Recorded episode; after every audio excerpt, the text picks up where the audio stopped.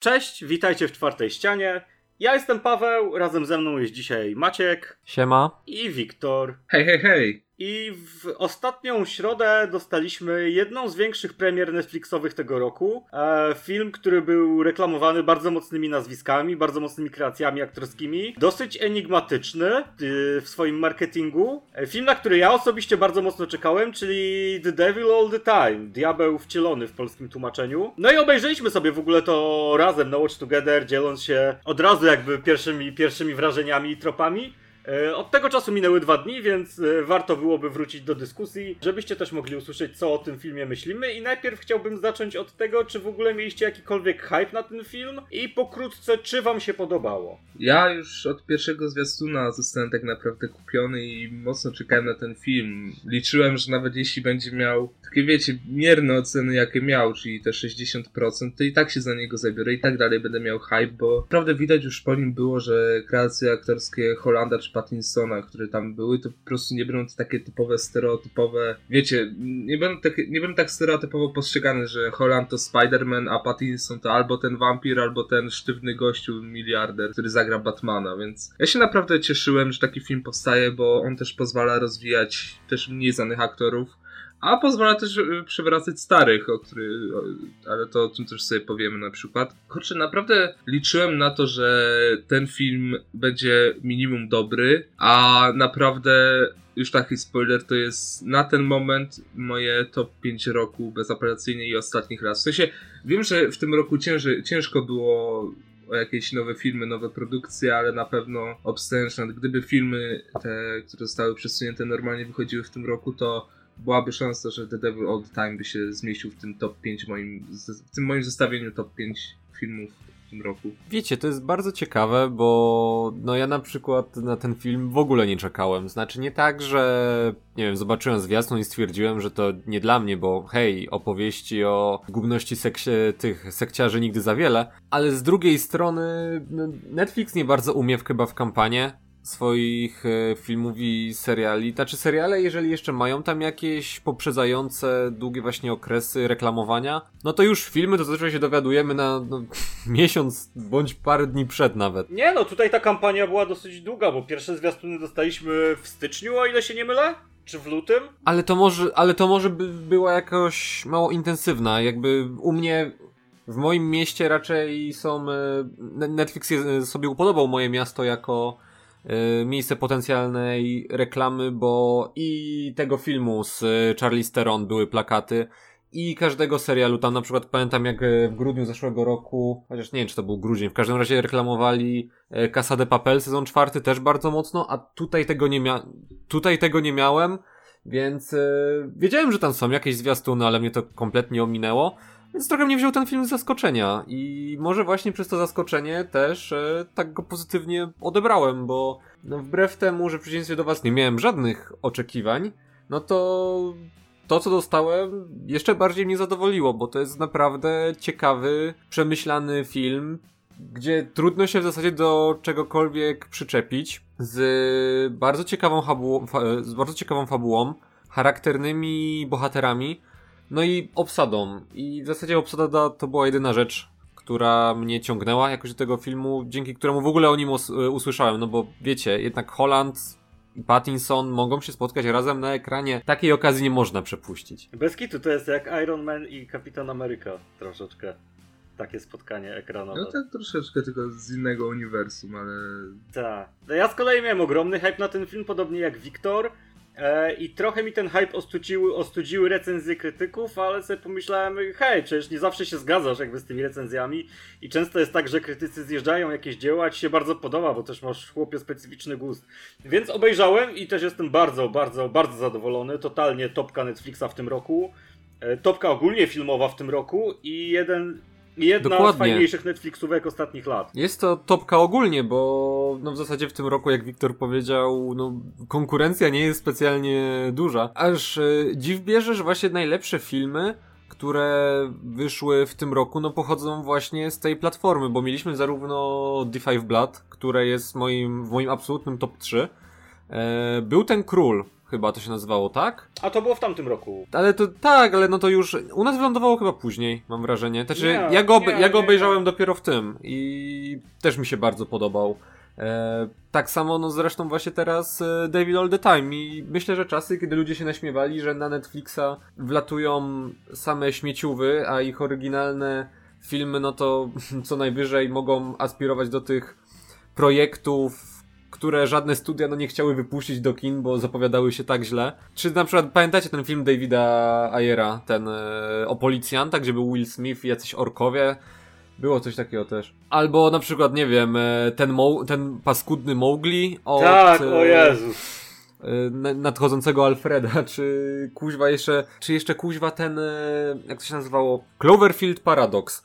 I te, to już w ogóle za- zakrawało autoparodię. A tutaj dostaliśmy No, ale wiesz, ale nawet ten film z Hemsworthem był kiepski. Ten Vanguard, czy jakkolwiek się, czy Old Guard z Charlize Theron, to był słabiak słabiaków. Też był, też był średniak, a tak, a tutaj e, dostajesz e, film przede wszystkim bardzo autorski, gdzie jakby widać, że po prostu no, Netflix jest w stanie wywalić pieniądze na jakiekolwiek projekty po to, żeby po prostu mieć zapchaną bibliotekę. Tylko, że tutaj przyszedł ktoś z wyraźnym pomysłem, zaufany w pewnym e, sensie. no, który chciał, tak. I chcie, chociaż ten gość, e, który wyreżyserował, czyli e, Antonio Campos, on e, nie robił wcześniej jakichś bardzo popularnych filmów. Nie zrobił, nie wiem, blockbustera za duże pieniądze. E, a Diabeł Wcielony też. Ale też nie musiał, bo ten film też nie jest blockbusterem za duże pieniądze, nie? Nie no, Diabeł Wcielony to jest mała kameralna historia, ale z bardzo dużym wydźwiękiem. Tak, bo warto byłoby sobie powiedzieć w ogóle o czym jest ten film, a jest o losach jakby małego miasteczka w środkowych Stanach i jego mieszkańców, którzy są ogólnie bardzo pobożni, ale ta pobożność jest bardzo na pokaz i, i interpretowana w bardzo egoistycznych jakby pobudkach. I śledzimy tutaj losy e, naszego głównego bohatera, którego gra Tom Holland, Arwina, postaci m, jakby otaczających go, wcześniej losy jego ojca, które też były tragiczne i które bardzo fajnie ukształtowały nam e, postać graną przez Toma Hollanda. No i film jest w swoim wydźwię- wydźwięku jakby bardzo prosty, chociaż też dosyć mocno symboliczny. E, no mianowicie pokazuje nam, że każdy kryje w sobie coś złego i każdy pod pozorem bogobojności usprawiedliwia jakby swoje albo wielkie ego, albo złe, złe uczynki. To, to jest też takie przerysowanie jakby całej sytuacji, no bo ej no umówmy się, no nie ma miejsca, gdzie wszyscy są źli. A w tym filmie dosłownie wszyscy są źli na, każ- na każdy na swój pokrętny sposób. To jest taki dziwny projekt, który kojarzy się nawet troszeczkę z kinem eksploatacji, bo masz po prostu świat przedstawiony, gdzie wszyscy bez wyjątku są dupkami. I nie ma tam w zasadzie osoby, która miała, nie miałaby czegoś na sumieniu. Dlatego moim zdaniem chociażby tytuł e, polski jest mylący, bo wiadomo, Devil All the Time to jest e, trochę idiom, ale moim zdaniem lepiej oddaje to, o czym opowiada film, niż e, Diabeł Wcielony, który by wskazywał, że jakby hej, mamy po prostu personę, która jest tak, jedną osobę, która jest no zła do szpiku kości, a tutaj mamy trochę bohatera zbiorowego, nawet bym powiedział. Tak, właśnie, właśnie chciałem ci powiedzieć, że, że można to interpretować jakby w taki sposób, że to jest bohater zbiorowy, po prostu ta bogobojna społeczność, nie? Ale to też można mówić, że ten, wiecie, takie też religijnie trochę wyjada, ale można też mówić, że w każdym kryje się diabeł, a diabeł to jedna osoba i tak dalej, ale tak naprawdę ja uważam, że to taki oksymoron też, że każdy na swój sposób interpretuje to i to nie jest jednoznaczny tytuł, więc to też tak fajnie to pokazuje, jak ty Maciek powiedziałeś, że to, że to jest właśnie zbiorowy bohater, a mamy pokazanie, pokazane to z różnych pers- perspektyw.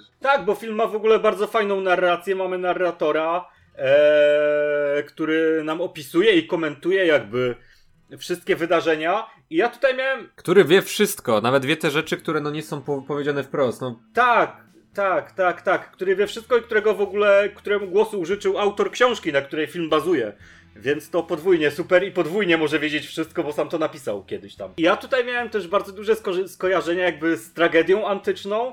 No bo patrzcie, no mamy tego narratora, który może tutaj nam e, e, występować jakby w roli chóru w tragedii antycznej, nie? Oni też wiedzieli wszystko i też na bieżąco komentowali jakby wszystkie, wszystko co się dzieje. Mamy tutaj Fatum, które wisi nad Arwinem, nad naszym głównym bohaterem. Fatum rzucone po ojcu jakby, bo mamy też sceny, które pokazują dokładnie jeden do jednego, że to co robił ojciec, to robi też syn. E, I nie wiem, czy zauważyliście, ale bardzo często w filmie występują trzy osoby na scenę. To znaczy, jakby trzech aktorów jest jednocześnie na scenie, nie? Mamy te takie trójkąty pod tytułem Ojciec Arwina, Matka Arwina, Arwin, później Arwin, e, pastor, jego siostra, Arwin i, i, i ci koledzy, którzy się znęcali nad jego siostrą. Dwóch, dwóch zabójców, fotografów plus model. Policjant, w którego wcielił się w ogóle fantastycznie Sebastian Stan. Który przytył, przytył specjalnie do tej roli, więc to jest no niewiarygodne poświęcenie i mam nadzieję, że przed następnym Kapitanem Ameryką jakoś wyrobi i zrzuci te kilogramy z siebie. Tak, i dwójka jego jakby mocodawców, z którymi wszedł w jakiś taki szemrany układ. No te, te trójki jakby bohaterów pojawiają nam się cały czas, nie? Jeszcze Roy Lafferty, Helen i brat tego Roya. I ten, tak, ten upośledzony na wózku. Tu też mamy trójkę. Te trójki się przez cały film bardzo symbolicznie przewijają yy, i nie wiem, bo nie liczyłem tego tak naprawdę, ale jakbyś spróbował je e, sumować do szóstki, to nie wiem, czy nie wyszłyby trzy szóstki czasami. Ale to, mówię, może sobie po prostu dopowiadam. E... O, ty już poleciałeś mocno, nie? Ale jeżeli, no, nie, nie zdziwiłbym się wcale, gdyby tak było. E, I, I też mamy bardzo dużą symbolikę krzyża, nie wiem czy zauważyliście, bo film zaczyna się od ukrzyżowania tak naprawdę. Później mamy ten krzyż w lesie. Później, później mamy krzyż w lesie, później mamy e, krzyż za plecami jednego pastora, drugiego pastora. E, później znowu wracamy do tego krzyża w lesie i, i też kończy się tak naprawdę zdjęciem z krzyża, nie? Ten film, jeżeli chodzi o, o kości tego psa. Także ten film jest naprawdę bardzo symboliczny, ale taki nienachalny w tej symboliczności, tak mi się wydaje. Eee, I dosyć jasny w interpretacji. Też się zgodzę, że on tak nie narzuca właśnie i to bardzo dobrze, bo jest tak naprawdę dla szerokiej widowni, bo jak ktoś też nie jest y, religijny, to właśnie też znajdzie tu coś dla siebie, a nie, że cały film to jest taka religijna wydmuszka, że tak my też zauważyłem takie opinie. No tak, bo ten, ten film zdecydowanie nie jest e, tym, co zarzucali niektórzy recenzenci, on nie jest e, krytyką e, kościoła czy instytucji kościelnej. On je, jedy, jedyne, co on potępia e, w jakiś sposób to fanatyzm. I ja zastanawiałem się początkowo, e, musiałem sobie sprawdzić na mapie, bo akcja filmu rozgrywa się w stanie Ohio i musiałem sprawdzić, czy przypadkiem ten stan nie leży w tak zwanym e, amerykańskim pasie biblijnym, bo pas biblijny to jest ten, e, no tak nazywa się ironicznie tą część Stanów, w której e, ludzie są bardzo religijni i tacy bardzo konserwatywni poglądowo i gdzie oni tą Biblię rozumują bardzo dosłownie, ale że po prostu jest dla nich życiem i jedyną wartością tak naprawdę. Tak, i tutaj e, no bardzo często widać, że odstępują od tego i że to nie do końca jest o tym film, bo tutaj ta religia jest raczej wymówką, po pierwsze, dla wielu rzeczy, które robią, a po drugie, yy, usprawiedliwieniem. Po trzecie zaś, yy, dla niektórych postaci jest celem, bo mamy Billego Skarsgarda na początku filmu. Boże, który jest cudowny, naprawdę. Bill Skarsgard. Ja na początku. Tak, Skarsgard to jest w ogóle topka ak aktorska. Jest fantastyczny, tylko że no, miałem w ogóle na początku lekki dysonans, bo oglądając go zastanawiałem się, w, w którym momencie sobie pomaluję usta na czerwono i wyskoczy na mnie z ekranu. E, tylko, że no, ciężko mu będzie się pozbyć e, łatki Pennywise'a, bo to była bardzo charakterystyczna rola, tylko że da, i tak daje tutaj radę. To... Właśnie tu się z tobą nie zgodzę, że, że będzie mu trudno, bo ja już przez ten film, przez po 10-15 minutach już zapomniałem, że on Pennywise'a grał tak naprawdę. Tak ten film zadziałał. No nie, nie, jednak to jest aktor z bardzo charakterystyczną twarzą, wiesz. Znaczy ja nie mówię, że on grał źle, ja się bardziej tu skłaniam ku Wiktorowi. Faktycznie tutaj miał też bardzo wyrazistą rolę i stał na własnych, stał na własnych nogach jakby, nie? Mnie, mnie też nie przypominał w tym filmie jakby bardzo Pennywise'a. Nie, no bo to prawda, że jak ktoś odpali ten film i oglądał wcześniej It od Andy'ego Muschiettego, no to oczywiście, że zobaczy Pennywise'a na start, ale jak ktoś na przykład y, tylko widział zdjęcie czy coś, że ten gościu gra Pennywise'a i tyle, no to w ogóle go to nie obejdzie, ale jak ktoś... Tak jak mówię, jak ktoś oglądał film, no to naprawdę to, i się skupi na The Devil All Time, wciągnie się w tą fabułę, to naprawdę idzie bardzo szybko i łatwo zapomnieć, że on kiedykolwiek grał tego przerażającego klauna. Wiesz co, ale no mi nie ten, mi nawet nie chodzi właśnie o to, że po powiedziałem, że mu będzie ciężko zerwać z tą łatką, e, ale w takim pozytywnym znaczeniu, że po prostu, hej, dzięki temu, no będzie musiał wybierać częściej takie role jak właśnie w Devil All The Time, a to była bardzo dobra rola moim zdaniem, gdzie zagrał tego człowieka, który właśnie w pewnym momencie dla niego wiara zaczęła stanowić e, no taką jakby wartość w życiu, no bo widział już chłop tak wiele i tyle przecierpiał, że no potrzebuje po prostu mieć w co wierzyć, żeby, żeby wiedzieć, że to wszystko nie idzie na marne, co on robi. I do tego stopnia zaczyna to robić, że wpływa w ten sposób no, na swojego syna. I nawet nie to, że po prostu uczy go pewnych zachowań, które on potem będzie praktykować, tylko to jego brzemię ojcowskie ciąży na synu, e, na Arwinie, granego przez Toma Hollanda. Swoją drogą też fantastyczna rola. Ja się dziwię, że Tom Holland e, dał się zaszufladkować tak jak wcześniej.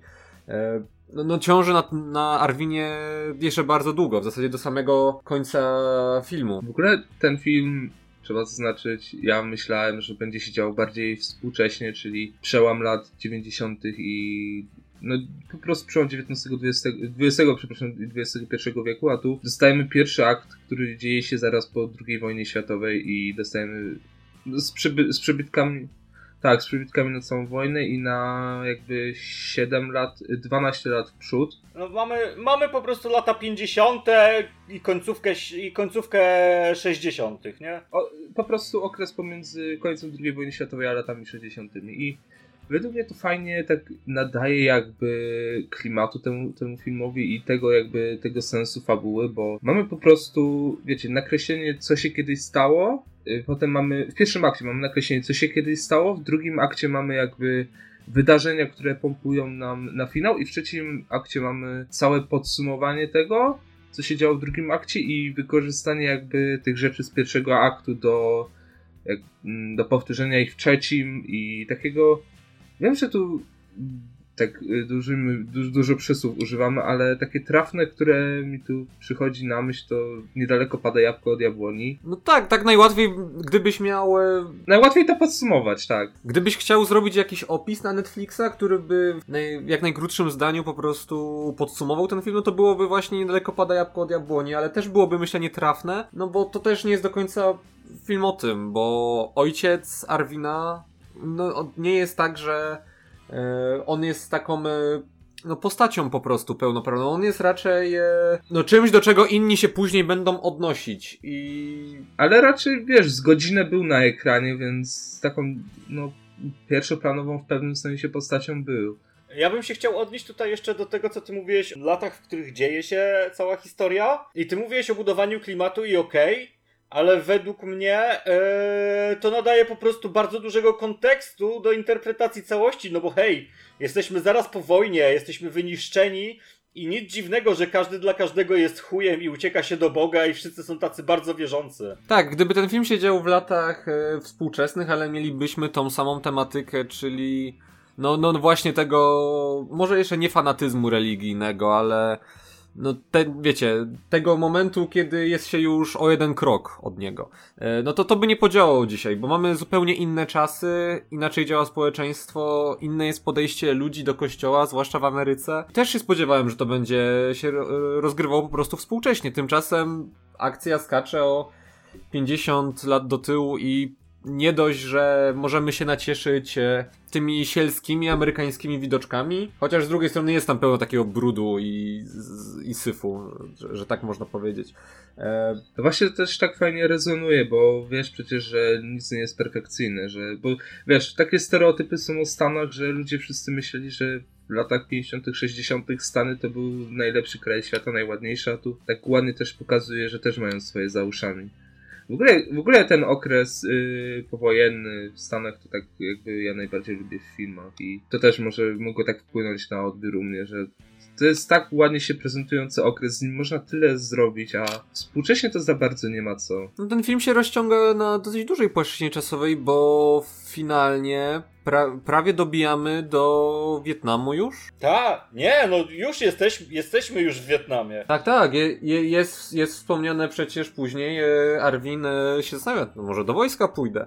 Wietnam czeka, towarzysze. I mo, może by się spotkał z bohaterami D5 Blood wtedy, może to jest wszystko jedno wielkie łączone uniwersum. E, ale dobrze, że ten film no, stoi po prostu na własnych nogach. E, w ogóle miałem, e, to też z chłopakami rozmawialiśmy podczas e, oglądania czuło się jednak taki, przynajmniej początkowo, tą taką sielankową atmosferę, którą również miał Forrest Gump z Tomem Hanksem. Tak, i to wiesz, i to to porównanie też nie jest z dupy, dlatego że no Forrest Gump też był przelotką jakby po pewnym okresie czasu. Z perspektywy tego jednego konkretnego człowieka. I tutaj. Tak, mamy, mamy dzieciństwo, dorastanie i już dorosłość. Tak, i tutaj mamy bardzo podobną rzecz, nie? Tylko, że ten okres czasu jest jeszcze dłuższy i mamy tak naprawdę przelot przez życie dwóch ludzi. Albo bardziej półtora, no bo jesteśmy jakby e, w połowie życia, powiedzmy, Holanda, nie? Nie wiemy, co on sobie tam dalej robić może, robił, możemy tylko gdybać. E, ale to, na czym ja się chciałbym tutaj skupić też, to jest budowanie napięcia, bo ten film robi to tak znakomicie. On zawiesza już od pierwszych, od pierwszych minut zawiesza takie strzelby Czekowa. I tylko czeka, żeby po kolei je e, odpalać, gdzie jedna strzela, potem druga. Tak, ale, od, ale odpala je w zupełnie, ale odpala je w zupełnie niespodziewanych momentach i tak ci dawkuje to napięcie, dawkuje, dawkuje, dawkuje i jak w końcu to wystrzeliwuje, to jest masakra. Ja miałem przez większą część filmu w ogóle ciary na plecach i siedziałem wpatrzony w ekran masakrycznie. Ja miałem tak do dwóch trzecich filmu, znaczy faktycznie początkowo, no nie ukrywam, ten film potrafi trzymać za mordę i kiedy e, były momenty pełne napięcia, to faktycznie to napięcie się trzymało, atmosfera gęstniała tak, że ciężko się było w ogóle poruszyć w fotelu. E, tylko, że potem, nie wiem, czy możemy tu spoilerować, czy lepiej nie? Tak!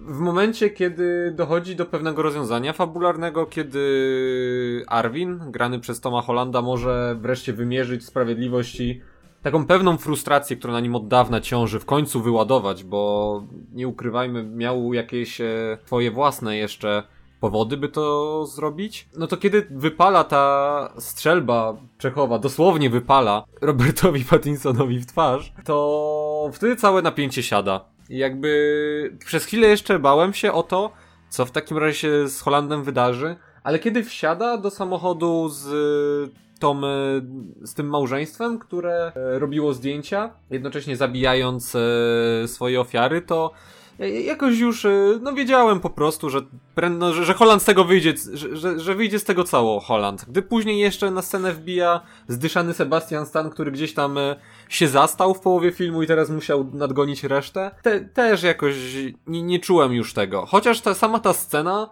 yy, kiedy właśnie bohater Sebastiana Stana, ten policjant, yy, chodzi i próbuje yy, Arwina ustrzelić, to też było parę momentów, kiedy wciągałem powietrze gwałtownie. Ja właśnie się tu nie zgodzę z tą Maciek, bo ja mimo wszystko tak jak Paweł cały film miałem ciary na plecach po prostu. Ja nie wiedziałem w którym momencie się coś wydarzy. Może tak byłem wciągnięty w film, że po prostu nie wiedziałem czego się spodziewać, bo ten film mnie w pewnych momentach zaskoczył i tak samo w momencie, w którym y, Arwin był w aucie z Sandy i Cardem, równie dobrze oni mogli go odstrzelić. Mogła jego broń nie wypalić. E, wszystko się mogło stać. Tak samo mogło Sebastian Stan odstrzelić. I kurczę, ja uważam, że budowanie napięcia w filmach naprawdę trzeba umieć. Reżyser musi po prostu potrafić to porządnie zrobić, a osobiście uważam, że no na tyle reżyserów, ilu jest aktualnie w Hollywood, to mało potrafi naprawdę tak dobrze budować napięcie, jak w tym filmie było stworzone. Tak, i grać kontrastami, i grać kontrastami, bo e, przy tych najbardziej brutalnych scenach często towarzyszy nam bardzo jakby randomowa muzyka z jakby tego okresu historycznego. W ogóle muzyka jest super, te, te covery takie, Jezu, te covery tak pięknie grają, tak się pięknie wpasowują. No taki trochę Tarantino bym powiedział, nie? Tak, trochę tak. Nie, muzyka jest super w tym filmie i są przykłady, które nam pokazują, że naprawdę, jeżeli chce się robić już soundtrack z klasycznych nutek, które wszyscy znają i kochają, no to trzeba to umieć e, jednak robić e, dobrze. I Strażnicy Galaktyki uczą, że można tak zrobić i to wyjdzie dobrze, a Suicide Squad czy Aitonia pokazują, że nie do końca, więc e, no ten film raczej no podobał tutaj. I nie, nie czułem cringe'u w żadnym momencie, nie, nie myślałem, że te piosenki zaczynają lecieć randomowo. To tak jakbym miał po prostu radyjko samochodowe koło siebie i ta muzyka leciała przez jakiś czas. Już się do tego przyzwyczaiłem, więc kiedy nawet e, na ekranie działa się rzeź, to po prostu ta muzyka no pasowała, bo była ze mną przez cały film i odzwierciedlała klimat tych czasów. W ogóle chciałem zauważyć, że tak przytoczyć trochę opinie różnych ludzi, bo widziałem, że oni naprawdę narzekali, że ludzie tu zabijają bez powodu, w ogóle nie, ma powo- nie mają powodu po prostu, żeby zabijać, a to tak naprawdę jest powód z dupy, że tak to ujmę, bo każda to jakby śmierć jest w pewien sposób uwarunkowana, ma swój powód jest usprawiedliwiona, w sensie jest fabularnie usprawiedliwiona, że tak to ujmę i kurczę, naprawdę nie wiem, co ci ludzie, jaki ludzie mają z tym filmem problem, bo też widziałem, że niektórzy oceniają, bo niektórzy oceniają negatywnie, bo religia, hello, bo film porusza tematy religijne, a to jest tak naprawdę Wiem, że wszyscy starają się teraz być tolerancyjni. Ale to nie jest film o religii, Boże. No właśnie, ja rozumiem, że wszyscy starają się teraz być tolerancyjni jak mogą, ale ale po prostu trzeba film oceniać przez to, co pokazuje, a nie, to przez to, a nie przez to, jakie ktoś ma poglądy. Bo ja rozumiem, y, na Rotten Tomatoes, y, przepraszam, na Metacriticu jest y, ocena recenzentów na poziomie 56, a audience score jest na poziomie po prostu 8,5, co pokazuje jak się opinie rozjeżdżają. Ale nawet wiesz, ale nawet w tej naszej małej banieczce czwartościanowej opinie się rozjeżdżają tak samo bardzo. Bo my na przykład uwielbiamy ten film, a, a Łysy mówi, że jest średni. No, znaczy Filipowi się podobał, tylko nie aż tak jak nam. W sensie on uważa ten film za dobry, ale nie aż tak. Tak samo na Rotten Tomatoes jest yy, od krytyków 66%, a audience score na poziomie 94%, co pokazuje, że widownia patrzy po prostu na ten film przez inne pryzmata niż jej recenzenci. I według mnie to udowadnia, że tak naprawdę oceny na tych portalach nie mają sensu, bo rozumiem, że komuś się ten film nie podobał i jakoś to znaczy inaczej, one mają sens tak, tak same z siebie, ale nie, nie, nie, nie, nie, powinno, nie powinno się nimi sugerować po prostu przed filmem. Tylko się negatywnie lub pozytywnie nastawisz. Właśnie, jeśli nie widziałeś filmu, to nie powinieneś się nastawiać. Okej, okay, negatywna ocena. Jeśli bardzo chcesz film ten zobaczyć, to, jeśli bardzo chcesz zobaczyć ten film, to go zobacz, ale po prostu nie, nie sugeruj się ocenami, o to chodzi. Ale Wiktor, możesz tak powiedzieć o każdym, dosłownie każdym filmie. Ja się zgadzam z Wiktorem, bo akurat przy okazji tego filmu E, trzeba czasami powalczyć ze swoim punktem widzenia, tak żeby. Jakby jestem pewien, że mas, masa ludzi poczuła się po nim obrażona w jakiś sposób, chociaż moim zdaniem nie było tam nic e, obraźliwego czy uwłaczającego religii. Tylko, że jeżeli są osoby z jakimś konserwatywnym podejściem, to może faktycznie im się nie spodobać. No ja sam w pewnych momentach czułem się bardzo niekomfortowo oglądając pewne obrazki. E, no może nie tak, żeby to zmieniało mój światopogląd czy coś, no bo hej, no jest za mocny, żeby jeden Netflixowy film mi go zepsuł, ale trzeba do tego po prostu podejść z otwartą głową, a dzięki temu, że jest na Netflixie, ludzie mogą go sobie, no Netflixa ma dzisiaj każdy i każdy go może sobie odpalić w dowolnym momencie, nawet do obiadu, a taki zwykły yy, zjadacz chleba, który po prostu chciałby sobie obejrzeć film w stylu serialowego Mindhunter, wiecie, też odnieśliście wrażenie, jakby ten film był trochę pod publikę tego serialu. Nie, totalnie nie. Jakby nie chodzi mi o to, że one są e, podobne do siebie, tylko to, że po prostu no, ludzi fascynują e, morderstwa, fanatycy, psychopaci, nie? A tu jest film w zasadzie o wiosce pełnej socjopatów, więc e, no myślę, że tacy ludzie to obejrzą, ale wyciągną z tego więcej niż z Mindhuntera który jest średniakiem skrojonym pod publikę. No. no tak, dobra, to ja myślę, że możemy sobie przejść do creme de la creme tego filmu, czyli do postaci i do występów aktorskich. Wypowiedzieliście już pokrótce o Billu Skarsgardzie, więc o nim e, sobie już pewnie nie będziemy więcej gadać, bo i też nie ma już za bardzo o czym. E, ale ten film ma co najmniej jeszcze ze dwie role, które mogłyby powalczyć na Oscarach za drugoplanową rolę męską. I w ogóle mężczyźni w tym filmie są fantastycznie napisani, kobiety już niekoniecznie. E, I, I też nawet jeżeli chodzi o grę aktorską, to to jest strasznie na siłę. Mamy tam panią Wasikowski, która nie pokazała nawet jednej dziesiątej swoich umiejętności. Za to role męskie faktycznie robią wrażenie. W ogóle miałem wrażenie, że aktorka, która grała yy, Leonorę, w sensie siostrę Toma Hollanda, yy, Eliza Scanlen. Przyszywaną. Tak, przyszywaną, yy, że no, grała na strasznym autopilocie. W zasadzie od początku do końca. Miała dokładnie taki sam ton wypowiedzi, taką samą minę, kiedy siedziała w aucie z Pattinsonem i się do niej dobierał. I kiedy e, się wieszała i kiedy była w kościele uradowana, no bez kitu, taka szara myszka, tylko że no właśnie na jednej nucie. Ale właśnie to masz, to masz fajnie fabularnie wyjaśnione, bo ona tak naprawdę dorastała sama bez rodziców. No jak to? Miała Holanda. Matka została zabita przez ojca. On był dla niej tak naprawdę tym pocieszeniem, ale wiesz, że ona w głębi serca niby była religijna, ale naprawdę miała swoje problemy. Tak samo wiem, że nie jestem lekarzem i nie powinien tego prosić, ale tak samo ludzie, wiesz, z depresją, no niektórzy inaczej po prostu,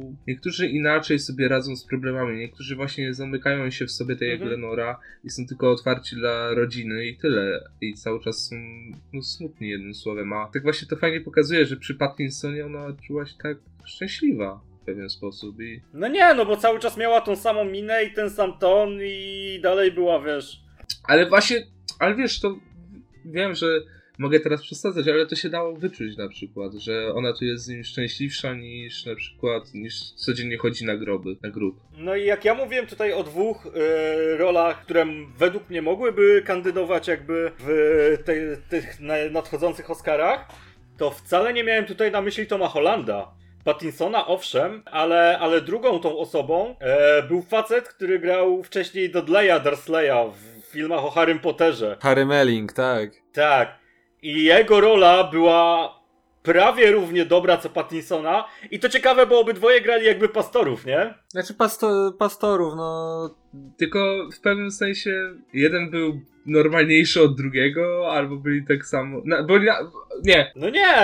Ob, obydwoje byli tak samo jebnięci. Nie, oboje byli... Tylko w inny sposób, nie? Oboje byli psychopatami tak naprawdę. Przy czym e, ha, Harry Melling o tyle się... tylko przy czym Melling, Melling się bardziej z tym krył.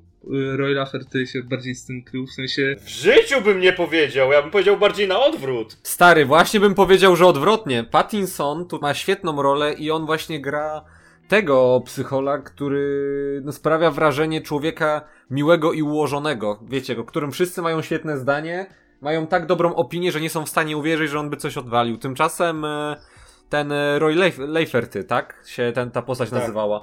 To on e, od razu widać było przy pierwszym jego występie. Może to jest kwestia twarzy tego aktora, bo Harry Melling się i- Ale właśnie ona idealnie pasuje do postaci. no już idealnie się na- nadaje, żeby grać jakiś e, z wyroli, bo ma te takie rozbiegane oczka i to znaczy tutaj nie krytykuję wyglądu samego aktora, tylko to, że no, to idealnie pasuje. Idealny casting po prostu. To Tak, i to nie miał i fajnie go widzieć po prostu w czymś innym, no bo ostatni raz to go widzieliśmy e, no przy okazji Potterów, a ile to było, no Nie no, był w tym Olgard. Był w Oldgard, był w Zaginionym mie- mieście Z. ja tam, ja Oldgard nie widziałem, no. Zaginionego miasta Z też nie. A, dobry film. Ale jeszcze jest y, Czekając na barbarzyńców też dobry film, To, więc polecam.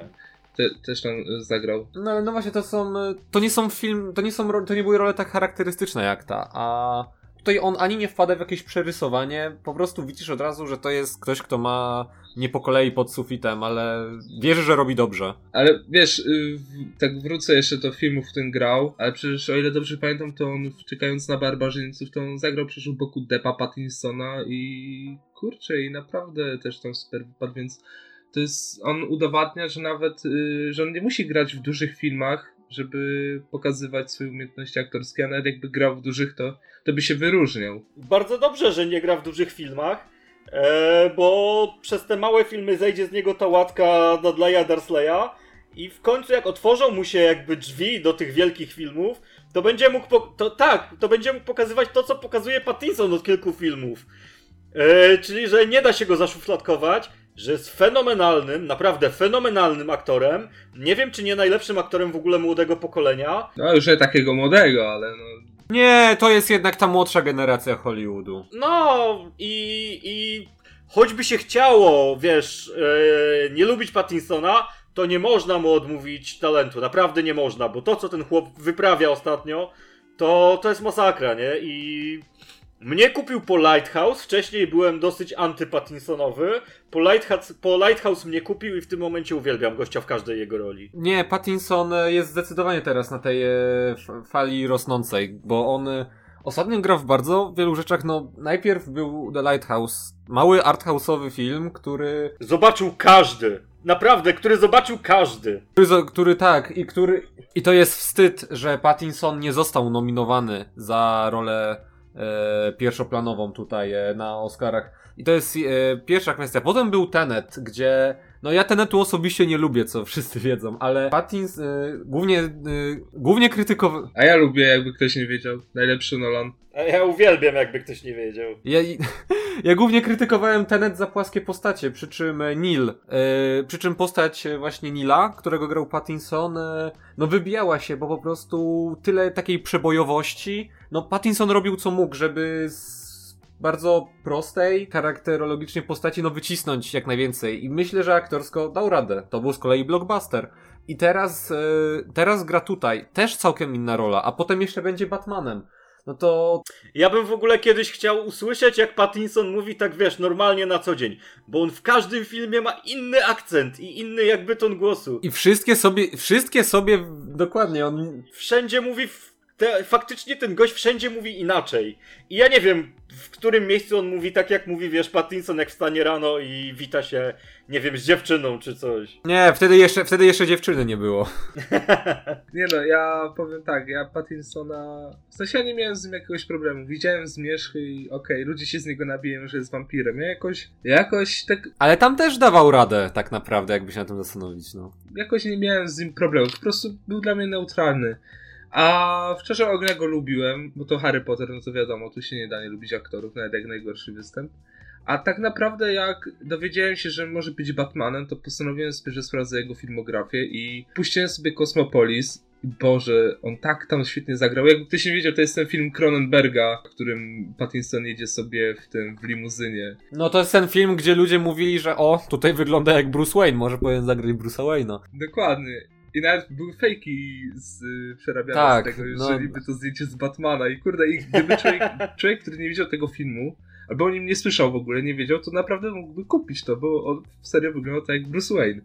I kurczę, ja się cieszę, że powoli w Hollywood przełamuje się ten taki stereotyp szufladkowania aktorów, że Robert Downey Jr., no to wszyscy pomyślą, że to Iron Man na zawsze, a ja na przykład wiem, że to, że to Sherlock Holmes. E, I ale akurat z Robertem już raczej tak zostanie.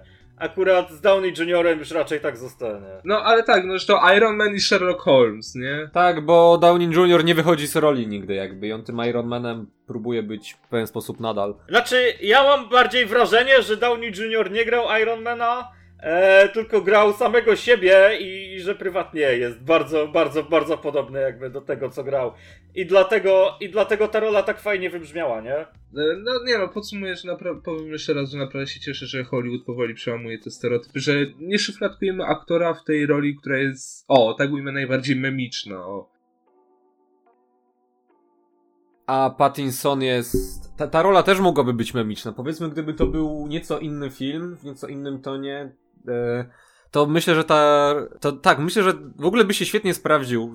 E, jak, ta postać by się sprawdziła dobrze jako e, postać w filmie komediowym, tylko bez tego całego backgroundu, bo to jest naprawdę postać, której nienawidzisz. Jest z jednej strony taki zniewieściały trochę, takim mówi głosem, ale taka, ale taka obrzydliwa strasznie i aż nienawidziłeś tego gościa, no chciałeś mu dać w twarz przy pierwszej okazji. Chcia, chcieliśmy, no właśnie, chcieliśmy dać twarz przez ekran, nie? Tak, i już w tej pierwszej scenie, gdy się pojawił, znaczy wszyscy mówią, że to jest taki miły chłopak, nie, i że on tutaj ukończył szkołę biblijną i że to będzie nasz najlepszy pastor, a on okazuje się być, no, najprościej rzecz ujmując, totalnym chujem, który No dwulicową, dwulicową szmatą po prostu, podsumowując. który wykorzystuje swoją e, pozycję po to, by wykorzystywać innych i no, no myślę, że już tutaj jakby ludzie się nie mają co obrażać, bo wiadomo, że w każdej instytucji tak jest, ale tutaj to aż momentami miałem ciary i to nie były, nie wiem, ciary zażenowania, to, to były po prostu takie ciary, że aż mi się robiło momentami niedobrze, jak patrzyłem. To było absolutnie przerażające. Wiesz, on, on, on wie, że coś zrobił źle, ale on taką, o, za, jak to się mówi, załącza syndrom oblężonej twierdzy i wiesz, i mówi, że on tego nie zrobił, a jak już y, on wie, że ta druga osoba wie, no to on się broni, że chciał pocieszyć i tak dalej. I on, na, w sumie tak każdy w tym filmie ma na swój sposób, że właśnie swoje złe uczynki w jakiś sposób usprawiedliwia. Tak, szczególnie w tej scenie w aucie, nie? Tak, i to ta pierwsza scena, gdzie w zasadzie nie pokazano nam niczego więcej, ale sposób w jaki on mówi i jak manipuluje, jak najlepiej, jak, jak rasowy sekciarz po prostu. No tak, jasne, że tak. E, no jak już mówiliśmy o tym zaszufladkowaniu, no to Tom Holland. Według mnie rola nie była wcale jakaś bardzo wybitna, ale była inna od tego, co mieliśmy okazję oglądać z Tomem Hollandem, więc na plus. Tom Holland jarający szlugi w czapce, siedząc za kółkiem, to jest mój Tom Holland. Ja się cieszę, że Tom Holland wreszcie nie zagrał tego nastolatka, który, wiesz, który co chwilę tylko siedzi i, kurde, o, jestem fanem, hej, cieszę się, o.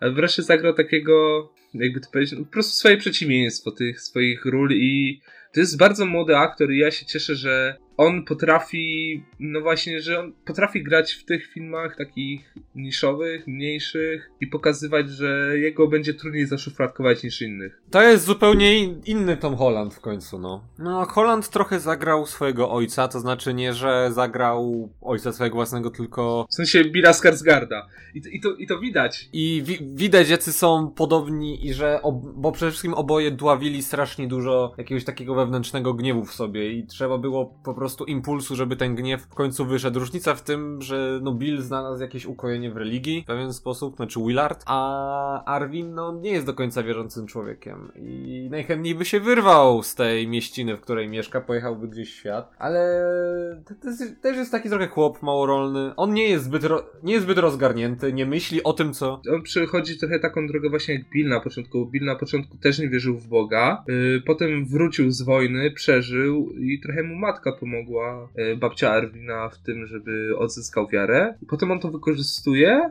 i się poświęca, a Arwin właśnie na początku też nie wierzy. On w sensie niby jest pokazane, że się modli, ale tak naprawdę on sam to robi na siłę i wewnętrznie nie wierzy. Tak, bo to nie jest jakaś szlachetna postać. Tak, a pod koniec jak chowa swojego psa, no to to jest właśnie takie symboliczne, że chyba on teraz odzyskał wiarę też na swój sposób i, i kurczę, ten, ten film naprawdę jest symboliczny. W ogóle to, że y, Bill Skarsgård y, gada takim akcentem typowo teksańskim trochę, takim wiejskim, a Tom Holland to idealnie naśladuje, to ja po prostu szapoba, żartki z głów, to tak idealnie wybrzmiewa, że ja cię kręcę. No tak, no zwłaszcza, że to też nie jest bohater, tak jak mówię, do końca rozgarnięty, on działa bardzo impulsywnie i idzie do e, tego pastora, granego przez Pattinsona, po prostu no z myślą, okej, okay, zabiję go, nie myśli co potem. I potem się absolutnie miota. W ogóle ten tekst, yy, przepraszam pastorze, do you have time for sinner? No to wiem, że było na trailerach i że to zrobiło furorę. Ale to, to przejdzie według mnie do,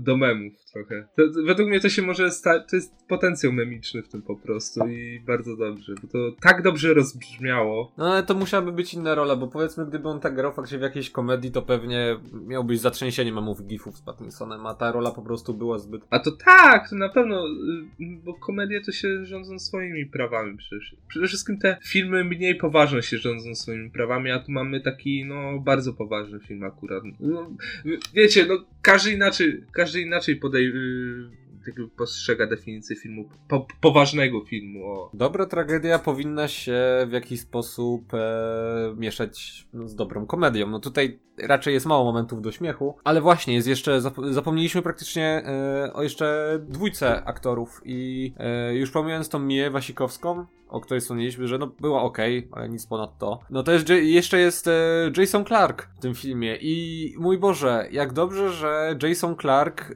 grywa w końcu w dobrych filmach, bo to jest moim zdaniem bardzo utalentowany aktor. Może jednej roli, ale jednak, tylko że chłop e, trafiał na tak paskudne projekty. Te jakieś Terminatory Genesis, jakieś tak. Yy, był, ten, był ten film e, o nazistach, on się nazywał yy, Kryptonim HHH, coś takiego? 4H tam były. Tak, tam chyba były 4H, ale to nie jestem pewien. Tylko to widziałem, że coś takiego powstaje. Tak, i ja byłem w ogóle na tym filmie. Ale, o, był jeden film dobry, w którym zagrał i to był, czekaj, Michael Douglas tam grał? Tak, Michael Douglas tam grał. Y, Wall Street. Miał, miał tam małą rulkę, ale był jednak i kurczę. To był, to był ten Wall Street z y, Douglasem i Shreya LaBeoufem, jakby ty się wiedział. No to też nie, nie był jak, to też nie był jakiś super film moim zdaniem i on raczej... E, ale akurat taki, taki okej okay był. Minimum dobry, o. No i tutaj Jason Clark gra Jasona Clarka, tylko że chcącego tylko mordercę Jasona Clarka. No tak, Jasona Clarka Jokera i jeździ z tym swoim aparatem po Stanach i, i, i morduje, morduje ludzi, tylko że wcześniej ich fotografuje. No, ludzie mają różne fetysze, tak to no, po prostu powiedzmy.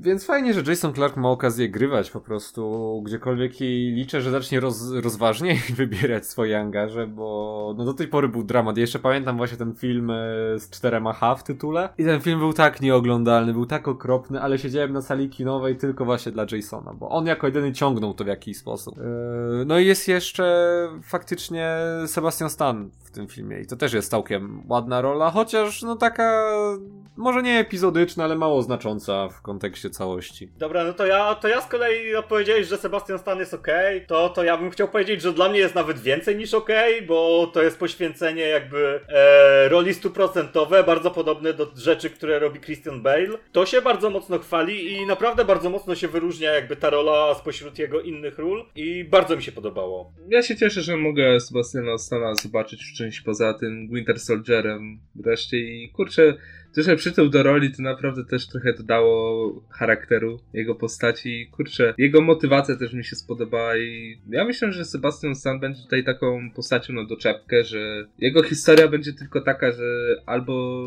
zobaczy, że główny bohater Arwin grany przez Kolanda, coś zrobił, będzie go ścigał i go zabije i tyle, a... Ojeju, to byłoby takie złe, gdyby on miał prowadzić śledztwo, powiedzmy. No właśnie, no tak. A tak naprawdę on tu nawet nie musiał śledztwa prowadzić, bo inni za niego to zrobili i, i kurczę, i naprawdę super to było super zagrał. Dobra, to tak może już ku końcowi jeszcze pogadamy sobie o, o tej kwestii realizacyjnej, bo to też było według mnie super. Mm, to znaczy zdjęcia. Zdjęcia były naprawdę piękne i takie specyficzne. Tam panował taki dziwny minimalizm, prostota. To się tak cholernie dobrze oglądało. Nie wiem, nie wiem jakie wy macie tam spostrzeżenia na ten temat, ale mi się to naprawdę fantastycznie oglądało. To bardzo dużo też dało według mnie oświetlenie, które było dużej części naturalne te wszystkie pejzaże, które mogliśmy tam oglądać, wszystkie sceny nad jeziorem i, i, i w ogóle było, były fantastyczne. I ja tutaj chcę się odnieść szczególnie do jednej sceny, do sceny z początku filmu, kiedy ojciec Arwina, Arwina jest y, na wojnie i widzi swojego dowódcę, który jest dosłownie ukrzyżowany. Ta, oskurowany tam czas apokalipsy wipe po prostu się uruchomił w tej chwili. Tak, to był naprawdę czas apokalipsy totalnie i pięknie to wyglądało. Ale wiecie, zdjęcia to nie. To, to jak to. Inaczej, to jak film wygląda, to nie są tylko to, jak zostały wykonane zdjęcia, ale też e, jakby co na tych zdjęciach było. I faktycznie jest tutaj taki minimalizm, ale udało się pokazać e, tą Amerykę lat e, 50 te, w ten sposób, że z jednej strony no, czuć tą taką e, trochę idyllę, taką sielankę wiejską, gdzie no, przygrywa sobie ta ładna muzyczka w tle i ma, mamy naprawdę ładne widoczki, ale z drugiej strony też e, w bardzo ładny sposób jest ta jakaś makabra pokazana i w ogóle te kadry są raczej ciasne i całkiem nieźle operują w zamkniętych pomieszczeniach. Zwłaszcza e, coś, co chyba ty, Paweł, zauważyłeś podczas e, tego filmu, że były, podobnie jak w Dolinie Bogów, którą zresztą oglądaliśmy ostatnio, było dużo ujęć, które wyglądało tak, że były długie, po czym były ciechane po prostu, tak, żeby pokazywać z dwóch różnych perspektyw. Tutaj też był zastosowany ten jakby środek wyrazu i moim zdaniem to bardzo pasowało. A wszystko jeszcze było ubarwione tą ładną muzyką. Tutaj mam wrażenie, że było tego trochę mniej niż w Dolinie Bogów jednak. No tak, zdecydowanie, bo to też są dwa całkiem różne filmy. Tutaj kamera była też e, bardzo statyczna, ale jak już pokazywała, no to w bardzo taki prosty sposób, charakterystyczny dla kina zerowego, że to co jest ważne jest na pierwszym planie, aktorzy na pierwszym planie, aktor drugoplanowy na drugim planie i tak dalej, i tak dalej. No to raczej jakby proste, ale skuteczne. Uważam te zdjęcia za jeden z najładniejszych kurczę, ja czuję, że gdyby nie było konkurencji w postaci Duny czy Mulan, po prostu gdyby nie było konkurencji jakiejś takiej ze zdjęciami, to Devil All The Time naprawdę by wygrał z miejsca, tak czuję, że może się załapać na Oscary, bo te zdjęcia były naprawdę piękne. No ale słuchaj, co, co finalnie jest lepsze, kiedy masz e, e, ujęcia totalnie przestylizowane i widać, że tutaj z pieczołowitością e, później jeszcze poprawiane, żeby był jak największy efekt wow, jak właśnie w takiej Mulan, czy naturalistyczne, ale śliczne zdjęcia. No moim zdaniem większe wrażenie robi to drugie, kiedy... Oczywiście, że, oczywiście, że naturalistyczne. Oczywiście, że tak. Przecież y, w Mulan to musisz podkreślać tą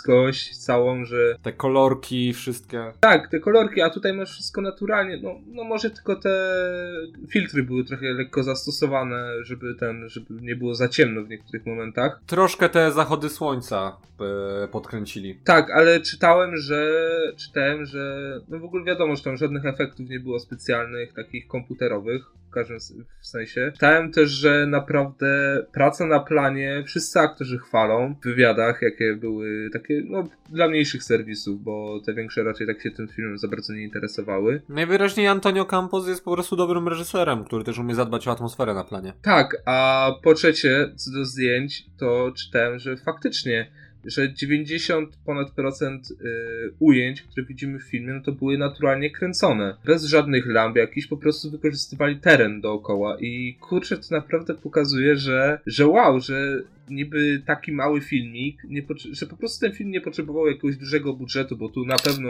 ja obstawiam, że poniżej 50 milionów jest budżet na spokojnie. No ja myślę, no z taką obsadą to myślę, że raczej więcej niż, e, nie wiem, 30 czy 20. Chociaż z drugiej strony nie wiadomo, to jest produkcja Netflixowa, może po prostu sk- skorzystali aktorzy tutaj z chęcią zagrali w czymś, co by ich rozsławiło i budżet oscylował na granicy, nie wiem, 15, właśnie 20. Zwłaszcza, że na przykład. E, wiecie w ogóle, że producentem tego filmu jest Jake Gyllenhaal? W sensie jednym. Jednym z, no. Zas- o, i, nice. Taki news z dupy po prostu, ale przeglądając film weba dzisiaj to znalazłem i się zastanawiałem dlaczego. Może to jest podbudowa pod ten film z nim, który ma też się pojawić na Netflixie, bo on mia ma, miał tam w tym czymś grać. Ale nie, nie, ja obstawiam, że nie. Według mnie on po prostu usłyszał, że taki film jest, robi, potrzebowali producenta jakiegoś, no to się zgłosił. Może z Holandem są jakoś skumplowani teraz, nie? Dobra, to tak podsumując, tak bardzo ogólnie teraz, jak wam się podobało i czy wypadło lepiej, czy gorzej niż inne filmy w tym roku? Jeżeli mielibyście zrobić topkę filmów w tym roku, a nie będzie to trudne, bo nie ma ich tak dużo, żeby, żeby ich nie spamiętać, to, to jakby to wypadło. A to to może, to może też może łatwiej będzie, jakbyśmy przyrównali też do, do. Przyrównajmy na szybko do filmów z tego roku i może z zeszłego. Z zeszłych no jakoś tak. Bo na pewno ten film się wybija, więc. Znaczy, w, mo w moim przypa przypadku na przykład nie. W moim przypadku raczej będę porównał tylko do filmów tegorocznych. E, ja wiem, że akurat początek filmu jeszcze był pełen jakichś e, dobrych e, produkcji, ale to wynikało raczej z tego, że no, one wylądowały u nas w Polsce później niż e, po prostu w Stanach. A nie, to tu o polskich premierach mówimy, bo taka zapowiedź też, że na koniec roku, jak będziemy. Bo na pewno będziemy robili swoje topki, e, to tylko polskimi premierami się sugerujemy, więc. No pewnie, ale dlatego, dlatego no biorąc pod uwagę jaka, jaka i tak jest e, no, sytuacja i że powoli ten rynek filmowy powoli odżywa, to i tak jestem zaskoczony, że topce moich, moich e, no, top 3 z tego roku, no aż dwa filmy są właśnie z Netflixa. I to jest no D5 Blood na pierwszym miejscu i Devil All The Time na trzecim, a drugiego miejsca wam jeszcze nie zdradzę, bo to jest tajemnica póki co. Ja jeszcze wielu filmów w tym roku z Netflixowych nie widziałem, a na pewno mam plan po prostu nadrobić dużo filmów z tego roku, bo został mi jeszcze Kaufman, zostało, zostało mi właśnie DA5 Blood, ale czuję, że w topce na pewno w top 5 The Double All The Time by się znalazło i to tak na 100%, więc... A w porównaniu do filmów z zeszłych lat, no to kurczę, naprawdę czuć, że mogłoby powalczyć o top, o top no o top, o top 5 by powalczyło, ale w top 10 by się znalazło na 100%. Wow, panowie, wy aż tak lubicie ten film? Dla mnie to był, wiecie, porząd, porządniak pierwsza klasa, ale takie 8 na 10, 10 na 10 aż. No, no. no dla mnie takie 9 na 10. A dla mnie takie 10 na 10, bo ten film mnie naprawdę kupił. Ja, ja widzę, żeby nie było bez komentarzy, że to o, to ty pewnie mało filmów widziałeś. Ja akurat widziałem bardzo dużo, ale też pragnę przypomnieć, że każdy ma inne gusta i właśnie jak Filipowi, którego pozdrawiamy, ten film tak się podobał takie 6-7 na 10, no to... Jeszcze Max musi obejrzeć, żeby mógł... E, ale Maxowi się spodoba, tak sobie myślę. No. Mam nadzieję, że tutaj nam e, Filip nie zdejmie tego materiału, ale ale ten... Chcia, chciałem rzucić taki żart, że o, pewnie gdyby ten film reżyserowała Chloe Zhao, to, film, to Filipowi by się podobało, ale No, to jakby Chloe Zhao reżyserowała ten film, to by to był najlepszy film y, XXI wieku dla Filipa. Nie no, ale tak wracając już, kończąc powoli, no to nie, naprawdę, ten film według mnie się naprawdę wybija na, na, na patrząc przez pryzmat ostatnich lat i kurczę, naprawdę się cieszę, że miałem okazję go obejrzeć, że miałem hype, bo gdybym nie miał hype'u, to bym podszedł do tego filmu z takim e, mech, mech, ale naprawdę już po pierwszym zwiastunie tak już, już czułem potrzebę hypowania i czekania na ten film, nawet gdyby był, był okropny. Bo gdyby ten film był okropny, to pewnie nie oceniłbym go na 10 na 10, a tylko na takie 6-7. Ale to już takie gdybanie i w sumie na tym zakończę, ale naprawdę, a jeszcze chciałbym powiedzieć, że ten, że obstawiam, że ten film dostanie przynajmniej jedną nominację do Oscara, musi, bo musi, musi, za, za cokolwiek. Nie wiem, czy to, nie, wiem, nie wiem, czy to jest film Oscarowy, jakby akade, akade, Akademia ani nie lubi takich lekko przerysowanych ról, ani nie lubi filmów, e... chociaż z drugiej strony Joker na przykład był nominowany, więc to może też. Irishman. Tak, i Netflix ostatnio dominuje na Oscarach, więc hej, miejmy nadzieję, że i D5 Blood i... Że Roma była na Netflixie, a zdobyła Oscara za najlepszy film nieanglojęzyczny, więc też. Nie, no dla mnie, dla mnie film był wybitny, w swoim gatunku fantastyczny, jeden z najlepszych w tym roku i myślę, że na tym moglibyśmy zakończyć. Dajcie koniecznie znać, jeżeli oglądaliście, jak się film wam podobał. Chętnie sobie wejdziemy z wami w dyskusję, także piszcie komentarze. Jeżeli jeszcze nie zasobowaliście, to to jest dobry moment, żeby to zrobić i dobry moment, żeby nas polecić swoim znajomym, bo naprawdę mamy grube rzeczy w zanadrzu i czekajcie na, na info, bo będzie się działo. Ja jestem Paweł, razem ze mną był Wiktor. Hej, do usłyszenia. Pamiętajcie, jeśli nie widzieliście tego filmu, to koniecznie zobaczcie, bo naprawdę naprawdę warto. I Maciek. Hej, hej, papa. Koniecznie obejrzyjcie, bo warto po prostu oglądać różne rzeczy. Dzięki za wysłuchanie, trzymajcie się do następnego materiału. Cześć.